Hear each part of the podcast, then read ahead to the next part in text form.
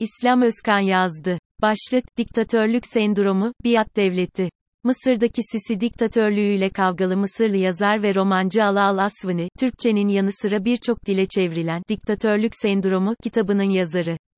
Kim hak ediyorsa onu eleştiririm, bu Sisi'nin kendisi bile olsa, diyen liberal yazar, hep Sisi yönetiminin taciz ve kışkırtmalarına maruz kaldı. Sisi'ye hakaret suçlamasıyla normal bir mahkemede bile değil, askeri mahkemede yargılandı. Baskılara dayanamayan Al-Asvani, şu an ABD'de sürgünde yaşıyor. Kitabında ideolojik bir sistem olarak diktatörlüğün klinik bir analizini ve ayrıntılı bir incelemesini yapan yazar, diktatörlüğün sadece ezelden beri otoriter olan ülkeleri değil aynı zamanda demokrasiyle yönetilen ülkeleri de etkileyebileceğine işaret ederken batılı ülkelerin de zaman zaman bu tür semptomlara maruz kaldığına dikkat çekiyor. Asvani'nin diktatörlük eleştirisi yaparken dikkat çeken en önemli tespiti, bence bu hastalığı tek taraflı bir olgu olarak görmeyip en az diktatörün narsizmine, içinde bulunduğu körlüğe dikkat çektiği kadar bunu kabullenen, onu bir ebedi lider olarak görme eğiliminde olan halka da okun sivri ucunu yöneltmesi. Zira dünyada hiçbir diktatör halkın açık ya da zımni onayı olmaksızın ülkeyi keyfi bir şekilde yönetemez. En azından baskıcı yönetimin başlarında bu onay fazlasıyla mevcuttur. Diktatörlük derinleştikçe halk desteği azalır ancak, bu kez de yönetimini sağlamlaştıran, yargı, ordu ve emniyet güçlerini ele geçiren tirandan kurtulmak artık oldukça zorlaşmıştır. Asvini, 9 bölümde anlattığı diktatörlük sendromuyla ilgili şunları ifade ediyor, diktatörlüğü tanımlamak için bu tıbbi formu seçtim çünkü bunun bir hastalık olduğuna inanıyorum. Özgür doğarız ve diktatörlüğü kabul etmemiz hasta olduğumuz anlamına gelir. Sorun, birinin bizi korumasını arzulamamızla başlar, Almanya'da Nazizm ve İtalya'da Mussolini faşizminde olan da aslında budur. Her iki ülkede de insanlar yakın bir tehlike hissetti ve bu yüzden kendilerini koruyacak bir kahraman beklediklerini düşündüler ki bu en tehlikeli duygudur ve ekliyor, diktatörün ortaya çıkması için, örneğin, ülkesine karşı komplo kuran, sizi sevdiğini iddia eden bir kişinin tek kaygısı ülkesini yok etmek olan düşmanların varlığını keşfetmesi yeterlidir. Bunun için bazı halkların diktatörlük eğilimleri olan kişilere oy verdiğini görebiliriz. Bu halkların tek isteği bu sözde kahramanın sağladığı korumayı hissetmektir.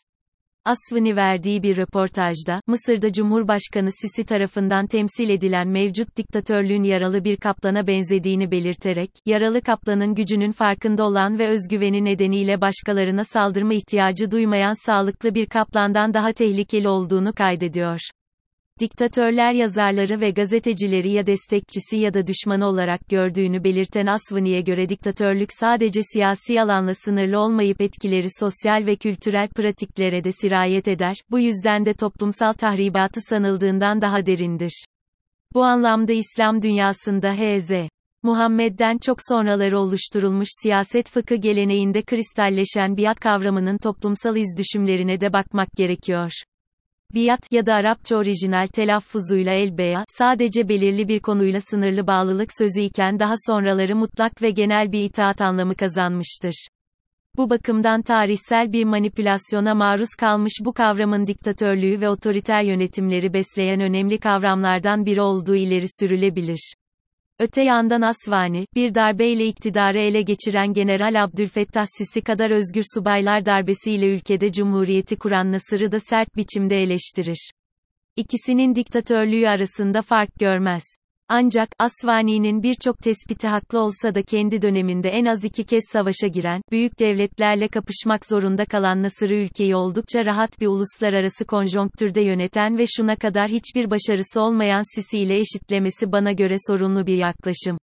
Her ne kadar Nasır, özellikle 1967 savaş konusunda ülkesine büyük bir fiyasko yaşatsa da 1973 savaşında İsrail'e karşı başarılı bir savaş veren Mısır ordusunun altyapısını kurmuş, inşa ettiği devasa projelerle Mısır'a modern bir çehre kazandırmıştır. Sisi ise 10 yıldır ülkeyi yönettiği halde Mısır'a herhangi bir büyük projeyi kazandırmak bir yana Sina Yarımadası'nda teröre karşı verdiği mücadelede bile çuvallamış bir isim. Nokta. Ancak meşrutiyet ve anayasal yönetim noktasında gelenekleri, Türkiye'den bile daha eski olan Mısır'da otoriter yönetimin ve diktatörlüğün bugünlere kadar gelmesinde Nasır'ın payı elbette yatsınamaz. Sovyetler Birliği'ne yanaştığı 1961 yılına kadar bütün muhaliflerini cezaevine atan Nasır, Mısır'daki sivil toplum ve muhalefet kültürünü tahrip etmiştir şüphesiz. Sonuç olarak Asvani, diktatörlük sendromunu bir hastalık olduğunu ileri sürerek her ne kadar konuyu büyük ölçüde psikosemptomatik bir vakaya indirgese de aslında bu, sendromun büyük ölçüde ekonomik krizlerle, sosyal çalkantılarla ve kurumsallaşamayan devletle yakından alakalı olduğunu biliyoruz. Bu anlamda diktatörlüğün arka planındaki olgulara bakıldığında söz konusu, sendromun psikolojik bir vakadan ziyade sosyolojik bir takım olguların sonucu olduğunu söylemek, daha doğru bir tespit gibi görünüyor.